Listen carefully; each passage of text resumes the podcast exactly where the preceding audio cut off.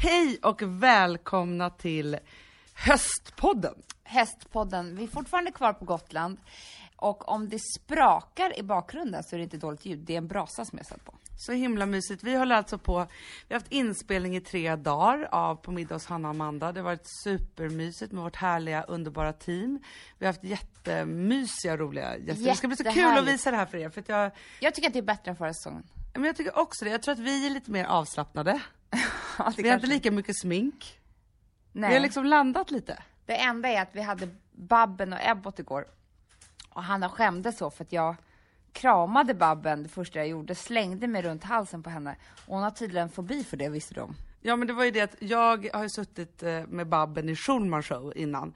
Eh, och då pratade vi just om det här, så här om man ska hälsa och hur man gör och när liksom handen blir hängande och så här. Och då var Babben väldigt tydlig med att hon har ju sin integritet och hon vill inte liksom att folk kastar sig över henne och hon, Hon inte kanske tycker har om HSP. Ja men det pratade vi om i programmet igår. HSPn och det, det har hon ju i allra högsta grad. Men framför allt så var det då Amanda som inte heller brukar vara så kramig som bara Babben! Jag kände så här, jag vill bara krama henne och stanna kvar i hennes famn.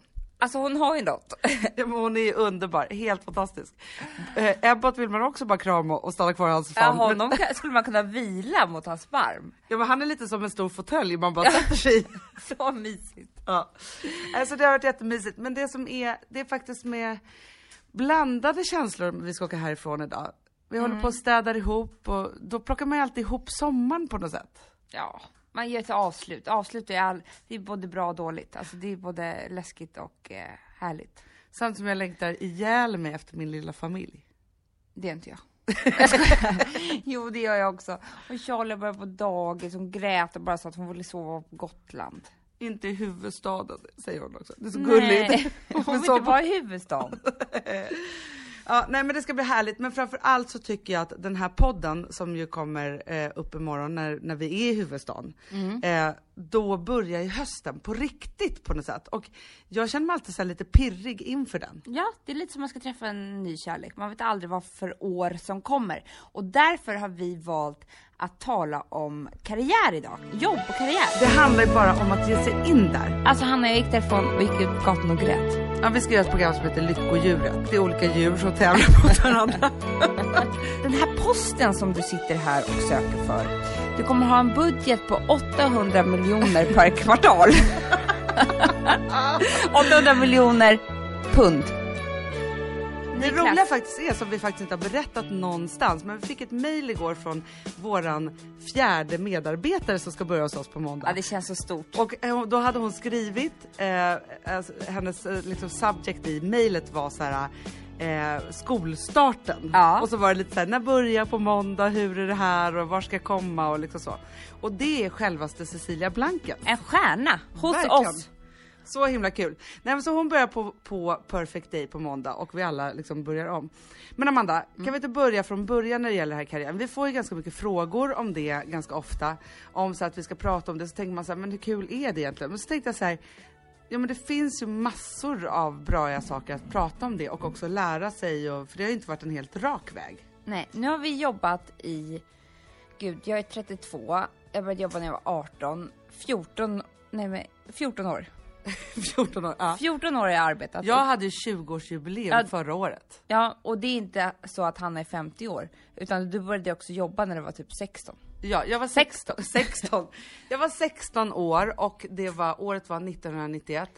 Och om, om jag bara ska berätta den hela, hela sanningen, vilket kan vara lite tröstande för alla som inte tycker om att gå i skolan, så var det så att jag var en oerhört skoltrött liten människa.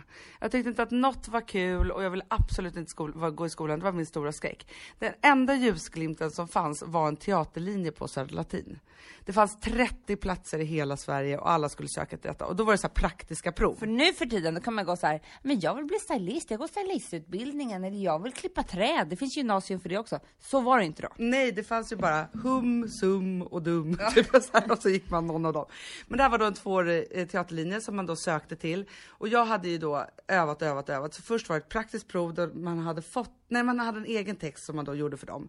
Förstå vad seriöst, det satt så en jury. Men det är ju typ som scenskolan. Ja, men det var lilla scenskolan typ.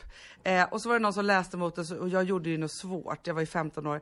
Eh, Fröken Julie. Nej, jag gjorde in, nej, eh, ingen dans på rosor och spelade upp en scen om hur hon hade fått reda på att hon hade sin schizofreni i ett läkarrum. Med fridans. Ja men typ, det, men det var verkligen så här, det var ljud, alltså jag skrek och det var så väldigt Nej men gud. i vilket fall som helst, Ingen dans på rosor av Deborah Green tror jag att det, hon heter som har skrivit den. Jag älskar den boken. Jag Den är läste, väldigt bra. Under en period i mitt liv, ska jag också säga, så läste jag bara eh, böcker om psykiskt sjuka Det gör jag människor. fortfarande. För jag kände igen mig så himla väl, var den enda litteraturen som fanns då. Men i vilket fall som helst så klarade jag det här provet och sen så då så gjorde jag en, kom man vidare till nästa prov och då var det bara så här 60 personer kvar typ. Då fick man en text av dem och skulle man göra den skulle man också spela teater i grupp och så väldigt seriöst. Och sen lades då betygen till. Och jag hade väl 2,0 Nej men jag vet inte, nej jag kanske Ja hade men typ. svindåliga betyg helt enkelt eftersom jag inte var någon skol, Ni vet inte ens skolmänniska. vad 2,0 är. Nej. För ni håller på med eh, IG i alla ämnen. Precis, typ. Nej men så, det var, det var ingen rolig historia. Men vilket gjorde så här, jag kom inte in på någon linje. Och då som tur var, och, nu, och det här är ju eh, lite lyxigt, men jag hade ju då praoat på Veckorevyn och så för våran farmor hade jobbat där och så. Så hon ringde väl ett strängt samtal till Amelia Dam och sa bara så här, kan ni ta hand om den här jäntan? För att hon är så skoltrött och så. Så då bestämde vi i alla fall att jag skulle ta ett sabbatsår och så började jag jobba som assistent åt modeassistenterna på Veckorevyn. Och jag kan säga så här, jag var kvar där i fyra år. Det var det bästa gymnasiet jag någonsin kunde gått. Ja. Jag måste bara säga att året efter kom jag in. Men fick en fast Ja, just det, anställning. så var det. Ja. Men det är lite så här, Men det var ju din skola. ja. Ditt första jobb på din skola.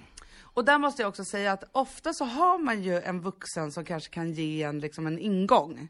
Om man tittar sig runt omkring. Det är ofta så man får sitt första jobb för att man känner någon som känner någon. Och jag brukar säga att det är så här att folk bara säger aha och du fick börja där och det var ju enkelt för du hade din farmor och hit och dit så här. Det var inte så jäkla enkelt. För det första så är det så att jag brukar kalla det för att man får lite guld och så måste man förvalta det. För annars försvinner det guldet, det bara rinner den ur fingrarna. Man kan ju... Men om man då har också kommit in på någon annans meriter, vilket jag ju faktiskt gjorde, då måste man springa dubbelt så snabbt för att vara Det är dubbelt det så alla bra. missförstått jämt eftersom vi har en hel familj som jobbar i media så säger de alltid men gud ni får ju bara jobb gratis. Jag skulle säga att det är verkligen tvärtom. Herregud vad vi har fått kämpa för att få vara kvar och få vara värdiga. För att folk, man börjar ju på så minus bara för att man är någons dotter eller barnbarn eller vad det nu kan vara. Ja men alltså vår mamma hon har ju alltid varit livrädd för det här att ha oss när vi har jobbat på hennes företag där hon har jobbat. Eh, för det alltid blir det där liksom, så ha och dina döttrar och så. Och sen så har vi alltid varit lite gapiga och lite flamsiga men duktiga och liksom dramatiska och alltihopa.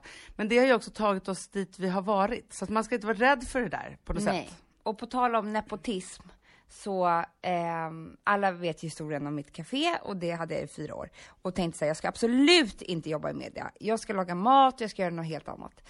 Men helt plötsligt så, hade jag, så, så, så var den här sagan med kaféet slut och Hanna ringde och sa bara så här, nu börjar du som researcher på min show. För då hade du precis fått en egen tv-show som heter Hanna. Och för er som inte, för er som är unga, så var det Ricky Lake, typ. I, i Sveriges eh, Ricky Lake lite grann. Ja men det kan man verkligen säga. Det var ju en, eh, som vi kallar för konfrontationstalkshow. Man tog in en och så skulle den berätta saker för en annan som kom in och så plingade på dörren så kom en tredje. Ett underbart litet program. Fantastiskt, men jag kommer aldrig glömma min första dag. Jag var 21 år då, tror jag. Och ehm, jag hade då en chef som kom till mig med så här, okej, de här fyra ämnena ska vi göra en talkshow om. Och du ska ordna alla personer till det här. Och sätta ihop det här. Och ämnena var så här, min mamma är kär i en bög och jag vill berätta att jag är transa själv. Alltså det här är ingen överdrift. Nej, det Nej, var så här. ja. Nummer två, jag har inte berättat att jag har gjort ett könsbyte köns, byte och nu vill jag byta tillbaka. Och då måste jag berätta för hela min släkt. Eh, nummer tre, alltså du kommer ihåg hur det var? Det var ju väldigt svår casting och det var ju helt otroliga historier. Det var ju så här, du tror att jag är din syster, men nej, jag är nu din bror. Och jag hade ju ingen, alltså internet var inte alls som det är nu, det måste man förstå. Så det, det jag gjorde var att jag tog upp min lilla telefonbok och så här kollade igenom mina vänner och bara, vem ska jag ringa här? Vem, alltså det var ju gula sidorna. Det var ju telefonboken Ja. typ. Och sen så, men internet fanns ju och det som fanns var en sida som hette QX som var fantastisk. För där samlades alla som kände att de inte kanske eh, liksom var, stämde in i det normala tråkiga. De var lite roligare så. Och på den vägen var det, men jag bara, Men jag kommer också ihåg en annan sida vet, som du var väldigt mycket inne på som hette knullkontakt.nu. Där hade jag en egen profil och eh, sökte människor. Men jag måste bara säga det att, att eh, den rädslan, och det, det kan man väl känna igen i vilket jobb som helst, om man är första dagen på ett jobb och bara känner så här, men jag kommer aldrig klara av det här. Det här kommer aldrig någonsin gå. Och sen så helt plötsligt har det gått ett par månader och så sitter man där och faktiskt har gjort det.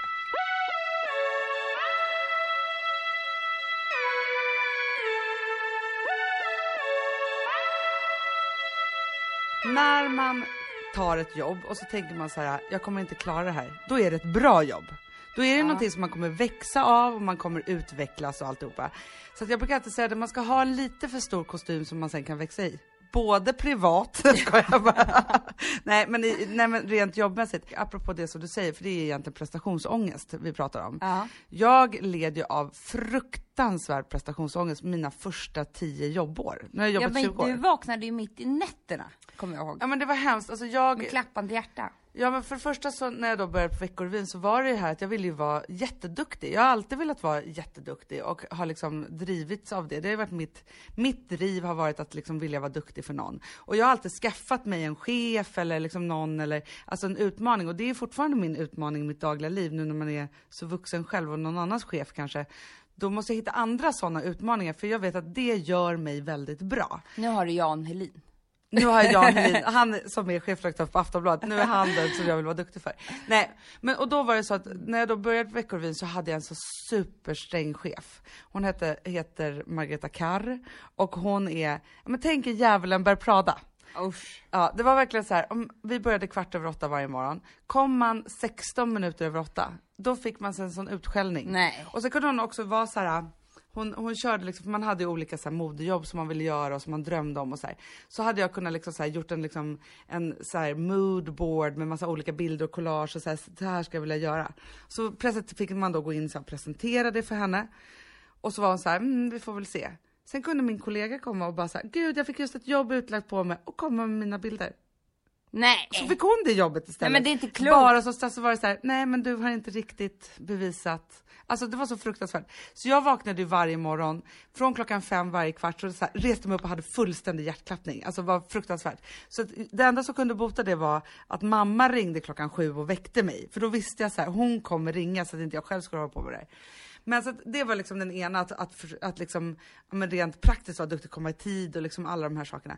Men sen var det här att jag har, alltså jag tror att de första tio åren som jag jobbade så ville jag bevisa för typ pappa att jag var duktig. Vilket är helt sjukt idag kan jag tänka mig. Att det är så här, jag jobbade så himla mycket för att, för att duga till och, eller duga till, att att räcka till Kände och du duga. det då eller är det någonting som du har kommit på efterhand? Nej, men jag har ju kommit på det i efterhand och det är så här, man kan ju tänka mycket med, med våra mediafamilj och så, så var det faktiskt ett ganska hårt klimat hemma hos oss för att man, det var väldigt eh, strängt, alltså man kan tänka sig att det var lite svängigt och vi fick göra vad vi ville och så vidare så här. Så var det ju inte. Nej, utan det var väldigt viktigt, ett, att man skulle vara snygg, Ja. Två, att man skulle bli någonting som var att, att liksom, eh, ja, som räknades.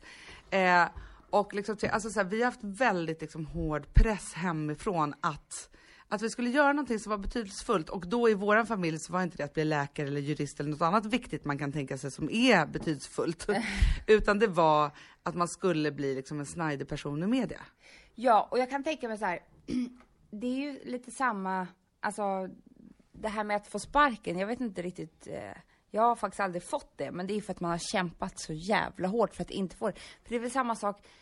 Alltså man kan jämföra det med relationer. Så har det varit för mig. Att någon skulle lämna mig eller någon skulle säga att du duger inte eh, och ge mig sparken. Jag vet inte om jag skulle klara av det. Alltså jag tror att, då, då tror jag att jag har slutat på jobben tidigare för att det inte ska ske.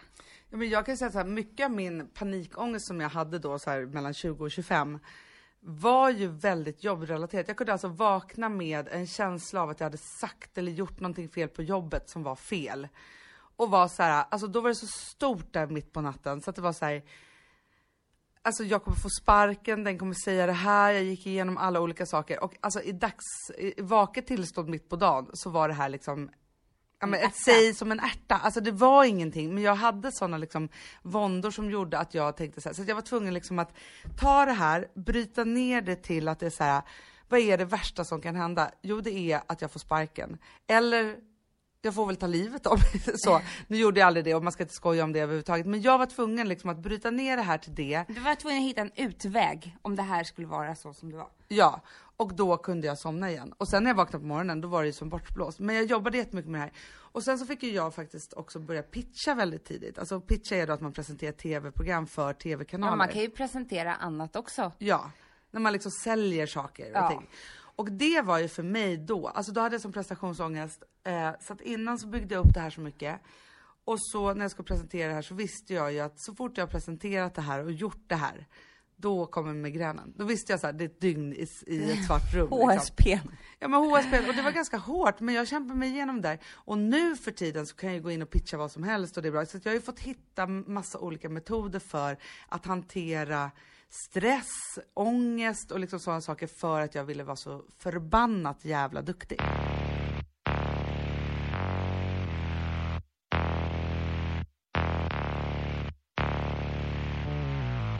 Vi är sponsrade av Synoptik och deras glasögonabonnemang All Inclusive. Alltså det här är ett genidrag. Alltså, Så Mm. fort man har hamnat i... Tyvärr, alltså antingen så har man det såklart från födseln, men, men vi som blev lite till åldern, Hanna, och Ja. synen den svek oss. Vi har nu förstått att det här med glasögon, det är inte så att det bara går att skaffa dig ett par och så har du dem for life. Utan dels så vill du ändra styrka och, och allt möjligt, men du vill också inte bara ha, för det här är ju liksom en del av hela din outfit. Du vill väl ha olika bågar? Nej, så här, och då har ju de skapat det här Synoptik All Inclusive. Och fördelen då med det, Amanda, det är ju att du får byta ut ett par glasögon per år. Mm. Så. Och Sen så är det ju då att de har ett otroligt utbud. Mm. Alltså så, det är ju liksom... Men, man vill ju ha det allra senaste. Ja, Alltså, förstår du? Och det man är snygg man i och alltihopa. vill ha? Solglasögon med styrka. Ja, så är det. Och sen så också är det ju supersnyggt med tonade glas. Det har inte jag börjat med än.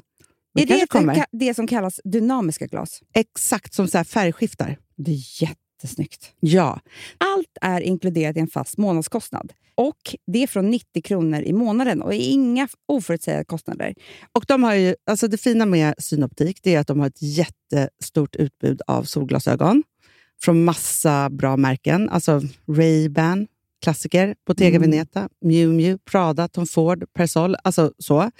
Och de har ju också superfina vanliga glasögon, linser, allt De du behöver. Alltså, Hörrni, ni måste gå in och läsa om det här på synoptik.se. Men till det allra viktigaste.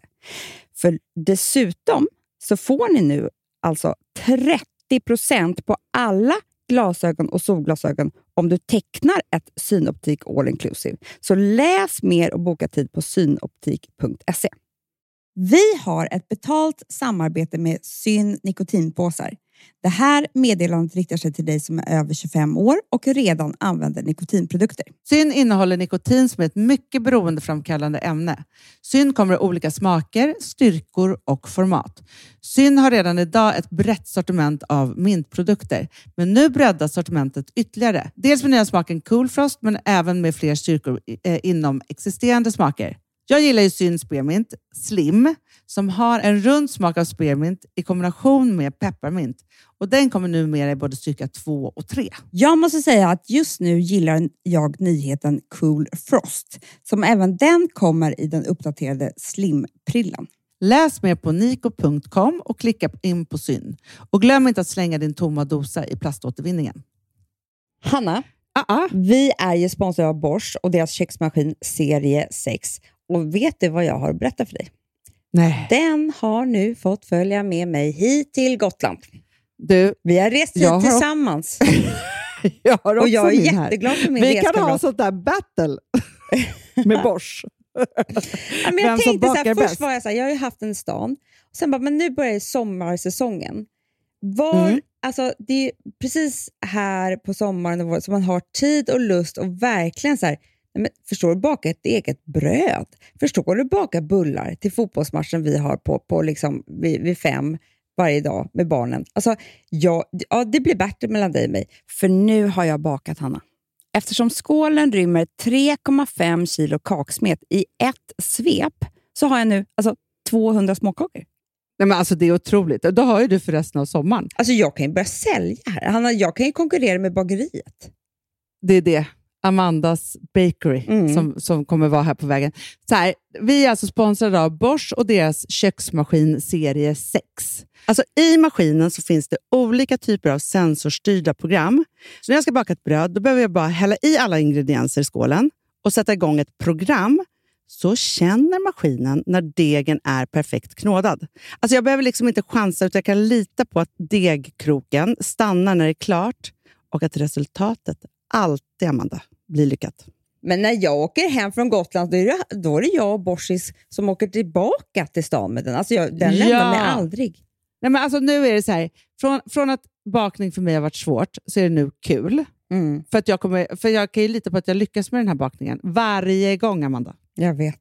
De har ju så här prova hemma 100 dagar med fri returrätt. Eh, för de vill ju vara säkra på att, att kunden blir nöjd såklart, vilket jag vet att ni kommer bli.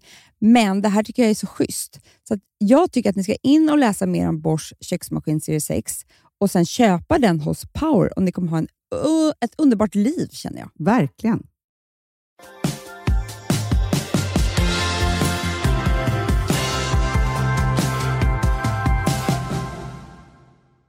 Jag jobbade med TV ganska eh, många år och eh, började framförallt jobba med casting. Vilket verkligen var min grej. Eh, och, eh, och det gick bra. Det var inte så många då som, alltså nu finns det en massa duktiga castare, men då fanns det mycket, mycket färre. Så det var liksom, om man var, man var duktig så var det lätt att få jobb. Jag castade till Big Brother och allt vad det nu var. Ko- flyttar till London för att eh, jag träffade en kille som bodde där. Och helt plötsligt så tappade jag hela min identitet. Du vet, det var så, det var så svårt att få jobb inom TV. Det är en helt, an- eh, helt annat klimat där. Eh, och jag, det var verkligen en identitetskris måste jag säga. Alltså jag, jag blev deprimerad. Men jag kommer ju ihåg hur du ringde till mig och var så här. Idag så gick jag till affären. Jag läs och köpte en tidning för jag visste att det skulle ta ungefär 45 minuter för mig att läsa den här tidningen. För att sen skulle jag diska och det skulle ta 30 minuter. Du höll liksom med så här, du skapade något eget väldigt långsamt schema bara för att klara av de här dagarna på något sätt. Ja men så var det, jag var så ensam. Och, och, sa, och till saken hör tror jag att den killen jag var tillsammans med var en jätteduktig så här, handelskille.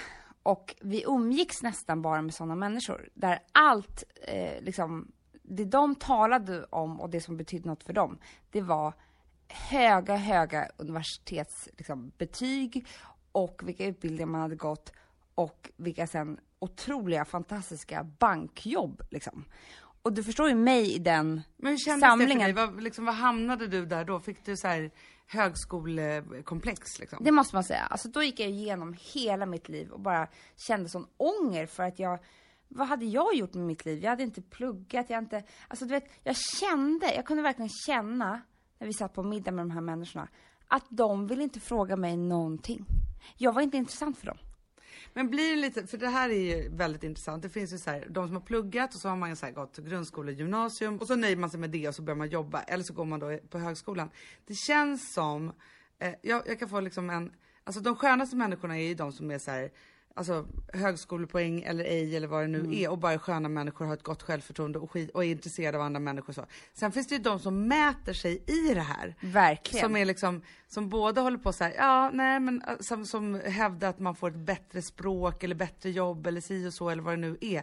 På grund av allt det här pluggeriet. Ja, och det är ju, alltså de har ju en otrolig, skaffat ett otroligt självförtroende i alla de här högskolepoängen. Så måste, det, det, Ja. så måste jag säga. Och, och du förstår du mig som kanske hade gått en hel dag eller veckor eller månader var det här eh, och känt mig totalt värdelöst. Liksom, alltså verkligen så här, kan jag ens diska? För att jag är inte bra på det heller. Typ. Alltså du vet, man har så lågt självförtroende så att man, man, eh, man blir inte bekräftad för någonting.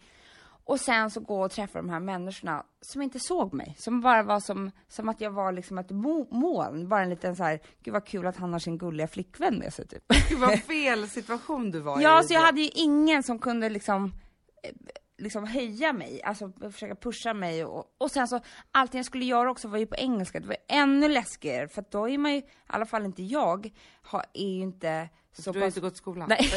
Nej men jag var inte så pass bra på engelska som jag är på svenska såklart. Eh, så att bara där fanns ju en sån osäkerhet. Men hur tog du dig ur det här? Hur slutade den här Englands historien? Ja, men alltså, jag måste bara säga att mitt i allt, i, mitt i hela den här misären, så eh, när jag var som en blöt fläck, så skulle jag på något, med någon kontakt hit och dit, så fick jag träffa en hög chef inom något jätte-tv-bolag. Eh, och vi tog en drink och han var skitgullig så här. Han brydde sig knappt om mig, men han tyckte det var jävligt trevligt att dricka drinkar liksom. eh, så vi satt ju där och eh, en underbar eftermiddag i Notting Hill. Morgonen efter så ringer han mig och säger bara så här, jag har ett jobb till dig. Nej! Nej men du ska gå på intervju. Eh, det här är så jävla bra, det kommer passa dig perfekt. Jag bara tänkte så här, hur kan han veta det? Han pratade ju bara om sig själv när vi tog de här drinkarna. Eh, och jag fick bara en adress. Aha. Jag åker bussen till den här adressen och liksom står utanför Universal helt plötsligt i London. Ett jättekontor, du kan ju tänka dig. Ja, ja, ja, ja. Vad hade du på dig? Ja, men alltså jag undrar också vad jag hade på mig nu så här efterhand. Jag kommer faktiskt inte ihåg för jag har nästan en minneslucka från där. Kommer in och ser alla de här filmaffischerna och så här, aha, okej, jag visste bara ett namn som jag skulle träffa. Han kommer och eh, vi sätter oss ner och han säger så här, vilka är dina fem bästa Universal-filmer? Är första frågan. Och jag har bara memorerat E.T. som jag såg en affisch i hallen. Så jag började prata om E.T. liksom. Ja. Vilken jävla bra film det var. och sen börjar han då fråga ut mig om massa saker. Jag sitter där och berättar om mitt lilla, lilla, lilla CV som jag har haft liksom. Och han ser konstigare och konstigare ut. Ehm, men, och inte särskilt trevlig. Jag, liksom, det är inte så många människor man träffar som man inte ens får ett leende av. Men så var han. Du förstår, det var helt Ja, fel ja, ja. person. Och så fort jag sa någonting, ja men jag jobbade på det här lilla programmet och sa så här, pitch that to me, sell that to me. Åh gud vad hemskt! Förstår du? Och jag bara, liksom okej, utöva- eh, it's, eh, du vet, alltså det var så svårt. och till slut då när vi har pratat färdigt om det här, då säger han så här, ja, den här posten som du sitter här och söker för är ju då ansvarig för all försäljning av film i Europa. Du kommer ha en budget på 800 miljoner per kvartal. 800 miljoner pund per Per kvartal. kvartal. Eh, och ehm, ja, det är en av de högsta cheferna på Universal i världen. och eh, vi har ju då såklart en rekryteringsbyrå som sköter det här. Men han ringde ju mig igår och bad om en tjänst, den här mannen. Men gud vad hemskt! Eh, men om du kommer vidare så, uh, ja då får du ju åka till Los Angeles och träffa alla cheferna och, och uh, sådär. Så att då, jag tror att byrån, rekryteringsbyrån ringer dig om du kommer vidare. Alltså Hanna, jag gick därifrån och gick ut på gatan och grät. Men alltså, du kunde inte ens se det roliga i det? Inte då. Alltså då var jag så totalt förnedrad. För att jag tänkte tillbaka på varje ord jag hade sagt om den här intervjun. Alltså, But you're five. jag bara eh, berättar om mitt café som jag hade haft. Gud så hemskt! Men det finns ju inget Jag hemskare fel. när man liksom hamnar totalt fel och hur man ska ta sig ur det. Men sen fick jag i alla fall jobb på Big Brother i England, vilket var ju kul. Så det löste sig ganska bra eh, ändå sen. Och sen flyttade du hem. Men, men det viktigaste var, jag vill bara säga den här svackan som jag hade, eller totala depressionen kanske man kan kalla det, när jag inte hittade min identitet och jag bara kände så här, gud jag måste, vilken lång resa jag har framför mig nu. För att, för att jag ska bli som de här handelsmänniskorna så måste jag ju läsa upp alla mina betyg, alla gymnasier, det kommer ju ta fem år. Men du trodde att du var tvungen att bli Ja, som för dem? jag såg ingen annan utväg. För att det var liksom, ska jag bo här och jag hade träffat en kärlek och alltså, du vet så. Ehm, och sen så måste jag då plugga på Handels. Matematik, typ. Ekonomi. Jag kan, inte, jag kan plus, minus och eh, gånger. Ja. Eh, och det är liksom fem år till. Aha, då är jag 40. Ja, men du vet, det där brottades jag med varje dag. Och så kom jag hem till Sverige, reste hem en dag för att det fanns ett jobb till mig i Stockholm på, på Meter. Och jag bara kände så här, men gud det här kan ju jag. Jag är ju skitduktig på det här. Det var skönt Och att det få var så komma hem det. härlig känsla. Och sen flyttade jag hem och gjorde slut. Så fort någon ringer och vill ha ett jobbmöte så säger man så här, vi ska, man ska alltid ta ett möte. Absolut. För man vet inte vad det kan leda. Och det är lite det som jag också vill säga. Alltså just att liksom när man inte vet riktigt vad man ska bli och man famlar lite sådana saker. Det handlar ju bara om att ge sig in där. Hoppar man på ena jobbet och så gör man det och så leder det till nästa och så hamnar man där. Alltså så här, jag hade en väldigt så här, stark bild av att jag skulle bli skådis. Det var ju liksom min dröm och jag hade liksom Ja, det har vi hört nu i, i eh, Ingen dans på rosor med Ja. skrik och... Deborah Green. Ja. eh, nej men jag skulle bli skådis och hade ju liksom gått på olika teaterskolor. Jag i, tycker inte alltså- det är för sent, Anna. Nej, jag kanske ska bli det nu. Nej men nu Ja. känner jag bara såhär, det passar inte mig. Nähä. Alltså jag är ju en bra skådis. men alltså jag är kanske för bra för Sverige. Ja. Ja. skitsamma, det jag vill säga är så att när jag då, alltså så här, för jag skulle ju bara börja på Veckorevyn och det var ju bara liksom en så här, en, en paus i livet mellan liksom att, att få gå på den här skolan som jag då ville göra. Men samtidigt så är det så här, jag kunde inte fatta hur rätt jag hade hamnat. Det var ju liksom, där lärde jag mig allt som jag behövde liksom kunna. Och någonstans är det så här, och så började jag där och så började jag jobba lite med de ringde från MTV och ville att jag skulle hjälpa dem att ta fram liksom de hetaste i Sverige just nu för de Jag kommer ihåg en djurcasting du gjorde. Ja men det är helt sjukt. Ja det gjorde jag faktiskt också. Det kom ju efter. här. Men, men just det där att när jag gjorde det och sen så blev det, skulle The Real World göras i Sverige och då ringde de mig för att de ville, jag hade gjort den castingen innan och jobbat med dem och så tog det mig vidare till tv-branschen och så vidare. Så. Men så hamnade vi ju där efter The Real World och alla de här sakerna så var det så att det var som ett år. Allting som jag började jobba på lades ner. Nej. Alltså det var helt sjukt. Det var verkligen så här. Och det sista av allt då som jag verkligen, som jag själv hoppade av. Det var ju då de bara så här, okej nu har det här lagts ner men det finns en annan casting som du kan göra här. Jag bara okej, då bara, ja, vi ska göra ett program som heter Lyckodjuret. Eh, och det är olika djur som tävlar mot varandra. och det kunde ju vara så här tre dagmaskar som skulle krypa i en kub och vem som kom snabbast eller råttor eller så här. När jag står på en parkering i Norrköping och då har så här öppen casting då när alla får komma med sina djur och jag träffar liksom så tanter som, de hade inte en fågel utan de hade 48 fåglar. Det här var ju galna djurmänniskor som kom för att söka. Då kände jag så här, nej det här är inte min grej. Du bara, den här fågeln kan bättre än den andra, den tar vi. Ja men det var ju helt galet och liksom så här, jag tycker inte så mycket om djur. Alltså jag gillar våra hundar och jag gillar alltså så här, våra katter, katten Tigerblomma. Men det är inte så att jag är en liksom djurlover. Det finns ju de som älskar alla djur. Sån är inte jag. Men när jag står där på den här, jag är liksom 21 år eh, och står på den här eh, liksom och grejen var också så att jag hade nog blivit invaggad i det här att jag nog skulle jobba lite mer med innehåll och kanske inte kasta alla djuren för att det blev liksom mitt jobb till slut. Då ringde jag faktiskt och så sa jag upp mig. Och då bestämde jag mig för att så här, nu har allting lagts ner. Alltså jag var liksom på botten, det kändes som allt jag tog i liksom blev så här katastrofgrejer. Så då åkte jag hit till Gotland Ja. till mamma. Jag minns att det var en riktigt regnig sommar och jag hade liksom knappt något självförtroende. Men jag tror så att det, den sommaren gjorde att jag så landade lite och började liksom så se det som var runt omkring mig. Och då var det någon som jobbade på eh, Jarowski. Eh, och jag hade aldrig hört om det här produktionsbolaget Jarowski.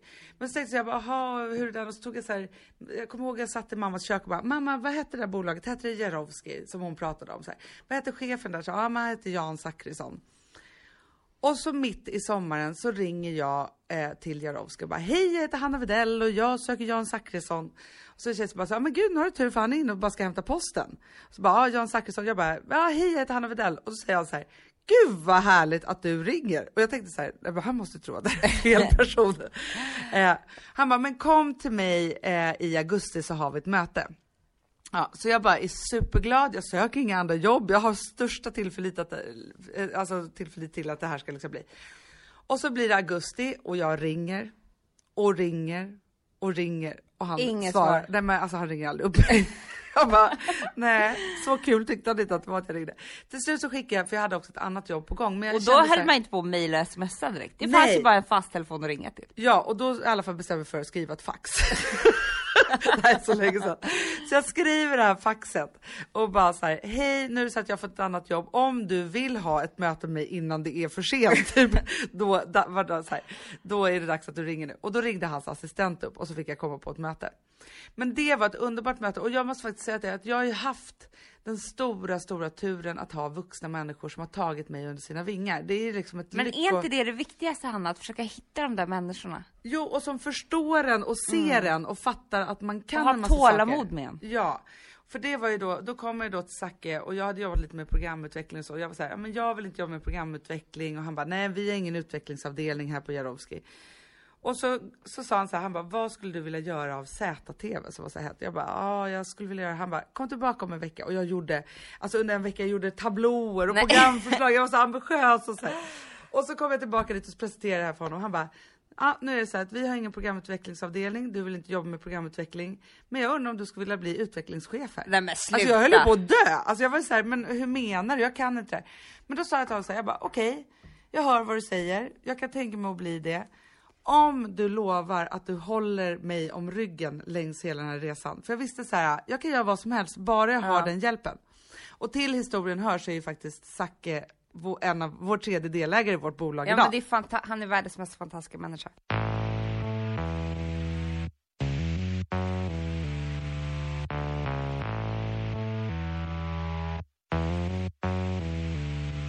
Vi sponsrar av Swiffer. Ja! Och nu är jag så glad, för att Alex har ju eh, liksom varit väldigt arg på mig i sin podd. Mhm. Alex och Sigge-podden, eller vad den heter. Det- vad, vad det För för att han podd? säger att jag inte städar. Va? Och då står det i kommentarerna, "Mo, det är så roligt, det här visar han mig. Det är så roligt att Amanda gör städreklam för Swiffer, nu när vi vet att hon inte städar. Hanna, eh, eller alla lyssnare, hörni.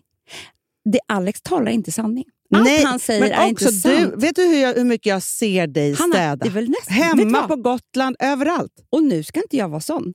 Det, det gör jag verkligen. Men det är också alltså, min roligaste hobby. Alltså Det är så bra. Det, dessutom så har det så god doft, det måste jag bara säga. För jag är ju doftkänslig.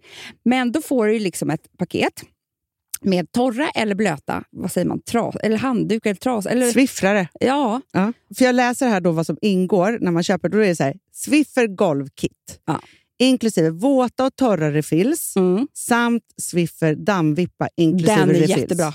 Ja. Men då sätter du bara den här och så klistrar du på det här. Det är jätteenkelt. Hanna, det som kommer upp, du får ju alltså se, den är, de är vita. Så du Mm. ser ju all smuts som har kommit upp. Att det finns en teknologi som de har som heter trap and lock. Ja, men jag vet, den kan jag Otroligt. jättebra. Nej, men det är så enkelt, det är så bra. Det är så här, det är liksom, och du kan göra bara eh, lite grann i köket på, på en halv sekund medan du typ brygger kaffe. Du vet, det här är, det Jag bara säger allt. så här, om ni också känner som jag, så är det så att Swiffer finns typ överallt. På närmaste Clas Ohlson, i de flesta ICA-affärerna, Stora Coop, Rusta, Dollarstore, ÖB etc. Så håll utkik i mataffären och testa nu. Nu har den kommit. Nu är den här. Nu är den här. Alltså, vi sponsrar av All AM och vi ska prata om nya pennan Forest Green. Alltså, sen jag fick testa provet, vilket Mm. var ganska länge sedan, Mm. för att det tar tid att göra såna här otroliga produkter. Mm. Nej, men jag har tjatat en gång i veckan som, liksom, som en galning, för att det är så här, när kommer den gröna kajalpennan? Nej, men du vet Fanny, som jobbar på All AM, Ja. hon fick ju sluta använda pennan. För att hon använde den och filmade och alla frågade "V- vad, är det för färg? Men hon hade ju bara ett prov. Nej, men alltså så här, grejen är att vi, gjort, vi har gjort, vi har ju svart och brun, och sen så har vi ju grå och sen så har vi midnight blue. Mm. Och midnight blue är ju en sån här att varje gång som jag, så här, för jag målar ofta liksom svart och sen så använder jag midnight blue kanske i ögat eller som en linje Mm. utanför, eller bara den, så händer ju något. Och med blicken. Ja, ja. Och det är samma med den gröna. Ja, men det jag skulle säga så här, den gröna, jag tycker att Mm. den är ännu coolare. Ja, men den är så cool, Anna. För att, så här, om du, jag har ju på mig den nu. Mm. Om du tittar på mig, du ser inte att det är grönt. Nej! Det är bara så här lite snyggt smoky eye, för vi använder det alltid som skugga och i ögat. Men den gröna färgen gör någonting med, och sen så den svarta mascaran. Nej, men okej, det här är det snyggaste. Ni klickar in på All In Beauty och klickar hem en blick. Ja, får jag bara säga en sak till? Mm. Den är alltså mörkgrön med lite glitter i. Mm, det är det också. Alltså förstår du? För det är blicken. det. Forest green.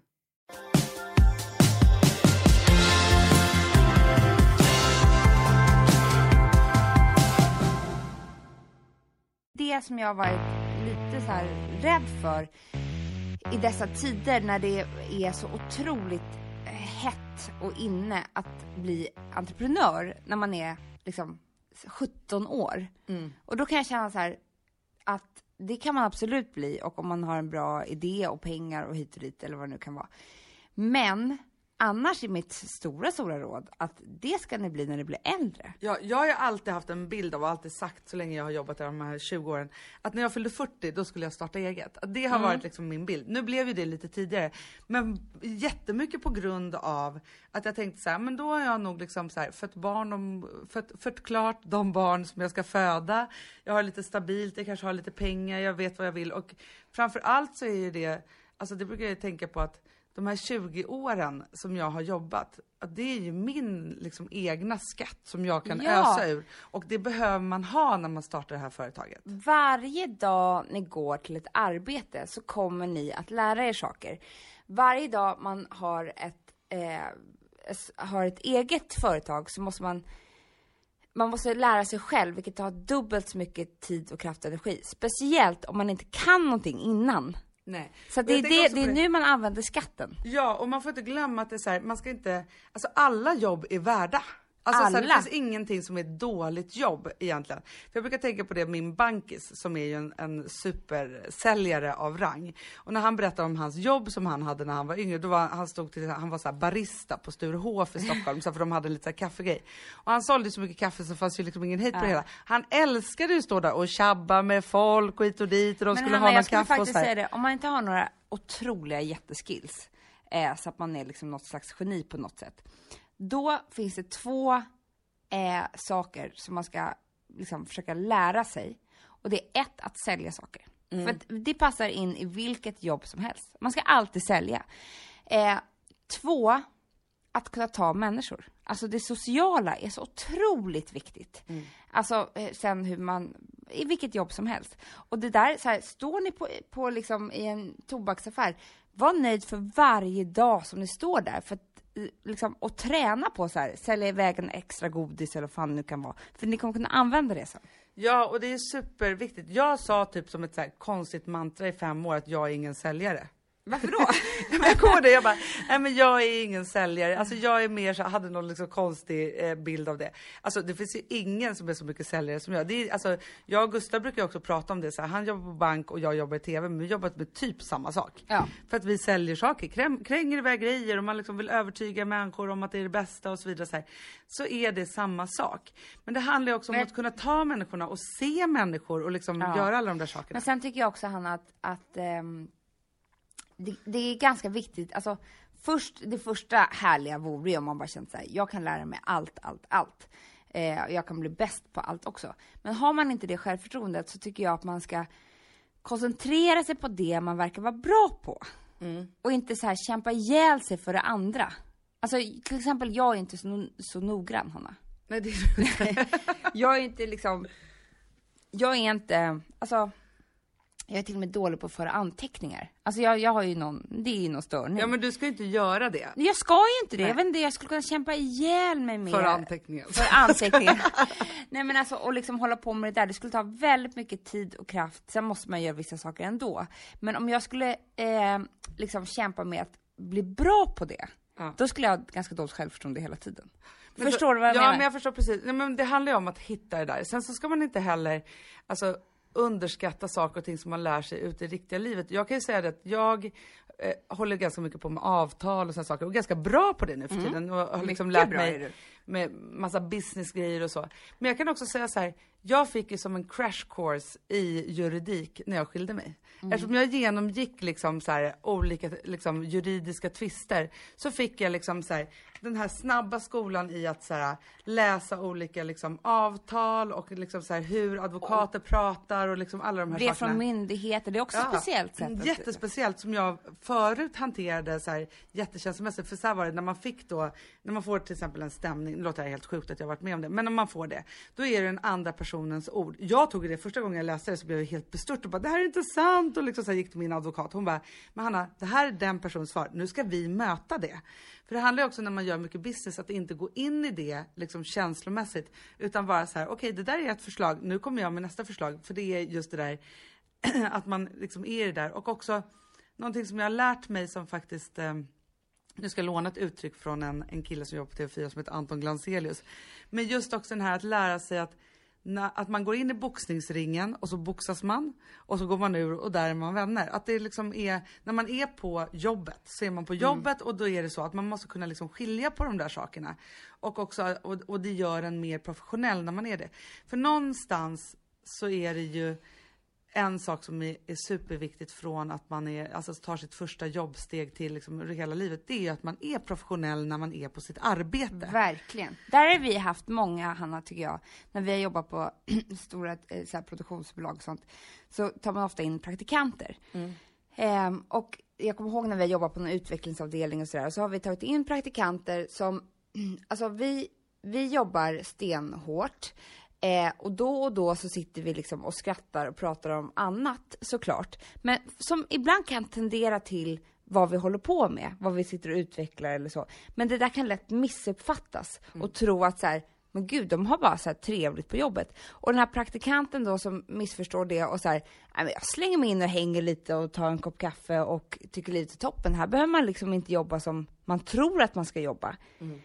Och det har, har inte ofta gått så bra för dem. Nej, men jag kan ju säga så här, jag som har varit en assistent, assistent, assistent. Jag jobbar så mycket som praktikant. Assistent är ju det bästa man kan vara, och praktikant. Ja. Man lär sig ju allt. Ja, och är man då en duktig assistent, då är det, särskilt i tv-branschen, men jag tror att det är andra branscher också, så är det ju så att man plockar upp dem och man kan gå hur långt som helst. Mm.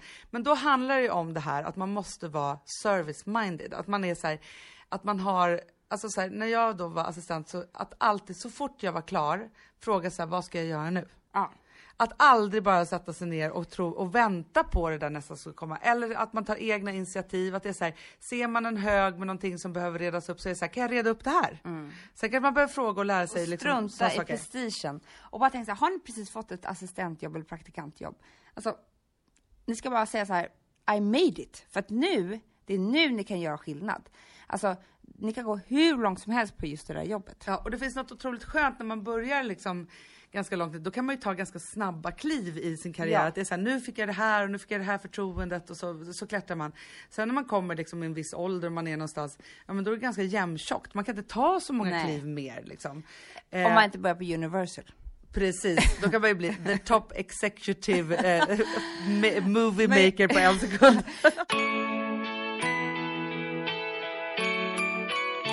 jag måste bara låna ett uttryck också, passa på när du också gjorde det. Och det är från vår mamma som har sagt till oss, jag vet inte hur många gånger när vi har legat på någon soffa och gråtit för att vi har känt oss så dåliga. Så har han sagt så här, det här är inte på liv och död. Du får aldrig glömma det. Och det tror jag är, alltså jag tänker ofta det. Eh, så här, hör hennes ord, mitt, när, man, när man tar fel och tänker så här, men gud det här kommer inte gå, jag kommer dö, jag måste, alltså, alltså det blir för stort. Då ska man bara komma ihåg, men det är ju inte liv på livet och då blir allting lite, lite lättare. Absolut. Det brukar också mamma säga så här, alltså hon har alltid varit, alltså hon har ett, hon är verkligen en superdjup person så att det är inte det, men hon har alltid också varit så här, försök ta livet lite med en klackspark. Det är vi att dåliga på. Vi är jättedåliga på det och går in i det där, man är så dramatisk och liksom alltihopa. Alltså jag vet inte hur många gånger, mamma är ju alltid rädd, fortfarande när vi ringer, att vi kanske gråter och är, livet är slut och över och så. Det är så här, mamma! Så här, ibland ringer vi och skojar, gör det också för vi vet att... Det roligaste är att, du vet det här samtalet, man får inte ens fram något, det är bara... Kom du ihåg? Och hon bara säger, vad är det? Ja. Amanda och jag skulle åka, eh, bara, det här är en helt annan historia, jag har ingenting med karriär att göra men det är ganska roligt. Vi skulle åka hit och ta körkort för ja. 10, ja, 20 år sedan eller vad det nu kan vara. Nej, men väl, 15 år sedan. 15 år. Väldigt många år sedan. Och då i alla fall tyckte det var så roligt för att eh, mamma var ju självklart nervös att vi ska åka hit själva till Gotland och hur det här skulle gå. Bli osams kanske? Ja, och ta någonting. körkort. Alltså vi skulle ju mäta oss och göra prov och, och liksom alltihopa. Eh, ta körlektioner. Det här kunde gå hur, precis hur som helst. Jag tror att mamma aldrig varit så nervös hela livet. Nej. Men i alla fall, då ringde vi så fort vi hade kommit av Gotlandsbåten så ringde vi så här bara har hänt en grej. Och bara, åh, vad har hänt? Hon blev så bara, rädd hon ju. Vi har blivit kära. Alltså i varandra. Jäkla kul skämt. Och jag tror hon tänkte så här, jag orkar inte längre. Nu är det en grej för mycket. Det är en grej för mycket i vår familj. Ja, men jag måste faktiskt säga innan vi lämnar mamma. Hon har också en annan bra säg som jag brukar tänka på. När man står inför ett jätteprojekt och man tänker så här. Hur fasen ska jag kunna göra och genomgå det här projektet? De här dagarna och allting som ska göras. Ja, man har liksom stress, stresspsykos nästan redan innan. Då brukar hon säga så här. Nu ska du se det här projektet som att, det är, som att du ska äta en elefant. Och då tänker man ju så här, äta en elefant? Nej men det går ju inte, man Nej. kan inte äta en hel elefant. Och bara, nej men då får man börja vid snaben. Och så får man bara se till att varje tugga blir så god som möjligt. Helt plötsligt så har man ätit ett öra. Och så helt plötsligt så har man ätit det där. Och till slut så är den här elefanten slut. Och det har varit ganska gott i alla fall. Ja. Men man kan inte äta en hel elefant på en gång. Det går inte. Man får ta en bit i Mamma taget. borde ska, starta en sån här jourlinje. Som man kan ha- ringa till. Hon borde vara sån här skolkurator för Ja. alla, när man har stress. Ja, men hon är underbar vår mamma och världens bästa på att hantera oss. Och det är inte lätt kan jag säga. Nej. Mitt första, första jobb var jag liksom hästskötare på någon filminspelning. Nästa sommar så var jag rosförsäljerska i Visby. Och, så, så här, Mm. och den där rosförsäljningstiden, det tror jag var min stora säljskola. Ja. Alltså, så. så man ska verkligen, liksom, summan av det här är väl att så här, kasta sig ut i arbetslivet och se varje jobb som en jättebra merit. Ja men alltså ni kommer ju sitta där eh, om 20 år och bara så här, men gud, när jag putsade fönster, då liksom kom jag på ett system hur jag skulle putsa de här fönstren och det tog jag sen vidare nu när jag tänker efter till eh, SE-banken liksom. Alltså, det, Ja, men det är bättre att har- göra något än att inte göra något. Verkligen, för det vet ju jag. Det finns ju inget man får så dåligt självförtroende av som att inte arbeta. Eh, man måste ha väldigt gott självförtroende för att klara av det. Ja. Sen så är det ju oerhört lyxigt när man har liksom jobbat sig igenom det. Och det, alltså så här, nu låter det ju som att, för, alltså när vi nu har startat vårt eget företag och vi gör bara roliga saker och så. Det ligger ändå 20 år bakom det. Och någonstans så är det så här, det, jag tycker att det är en ynnest att ha fått forma sitt eget arbete. Men om jag hade gjort det för 10 år sedan, då hade det gått åt helvete. Ja, men så är det ju. Så man ska inte göra det för tidigt utan när man känner så här, det var, det var ju verkligen superläskigt att starta vårt företag. Alltså förra sommaren, vi hade ju, vi var ju tvungna att gå och stressbajsa var femte minut. Verkligen! Fy fan, snacka om eh, stresspsykos. Ja, det var liksom inget enkelt val att säga upp oss från våra så här, trygga, välbetalda jobb och, och så. Jag Men- tror att det är det modigaste vi har gjort nu när jag tänker efter. Ja men helt otroligt modigt. Ja. Och det, jag tror, jag Alltså, vi hade hade jättebra löner. Ja, jätte, jättebra löner. Och jag, men jag hade inte vågat göra det utan dig. Nej, men inte jag heller. Men herregud, Hanna, jag kan inte ens tänka tanken. Det är det, ni måste liksom leta efter människor. Leta efter människor som kan lära er, leta efter människor som ni blir starka tillsammans med för att våga göra de, de såna här saker. Eh, alltså, de är det, det är det viktigaste. Jag hade aldrig suttit här utan dig. Nej. Och sen ska man också Och gjort en sig- egen podd. Nej precis. Och det var faktiskt en av de första idéerna som vi hade, att det var så här, "Ah, ja det får gå hur du vill, men en podd, det ska vi i Det alla gör fall vi, göra. det kostar inget. Nej. Och, då, men, och då ska man faktiskt också tänka på det här med att våga säga upp sig. Om man har tråkigt, man känner att jobbet liksom ger en inte mer och sådana saker. Att våga ta det där steget och säga upp sig. Sen är det ju så här, jättelyxigt om man har ett annat jobb. Det är ju drömsituationen, att kunna säga upp sig, ha en lång semester och ett annat jobb Ja, i sikte. men det händer ju aldrig. Men det händer ju aldrig. Så att, men, men just det där att om det inte gör bra så måste man stänga gamla dörrar för att kunna öppna nya härliga. Ja, verkligen. Nej, men jag tycker att det var ett bra slutord på den här karriärspodden. Ja, och framför allt så tycker jag att jobbet är en så himla stor del av ens liv. Så det ska vara roligt på jobbet varje dag. Verkligen. Och om man inte har roliga arbetsuppgifter, då får man i alla fall se till att ha roliga kollegor. Eller tjäna jättemycket pengar. Precis. Även Hörni- på något sätt blir det bra. Ja. Fan vad kul att det är höst och att vi är tillbaka, att vi kör nu varje Ja, vecka. ha en kul första veckan på jobbet. Puss och kram. Hej då!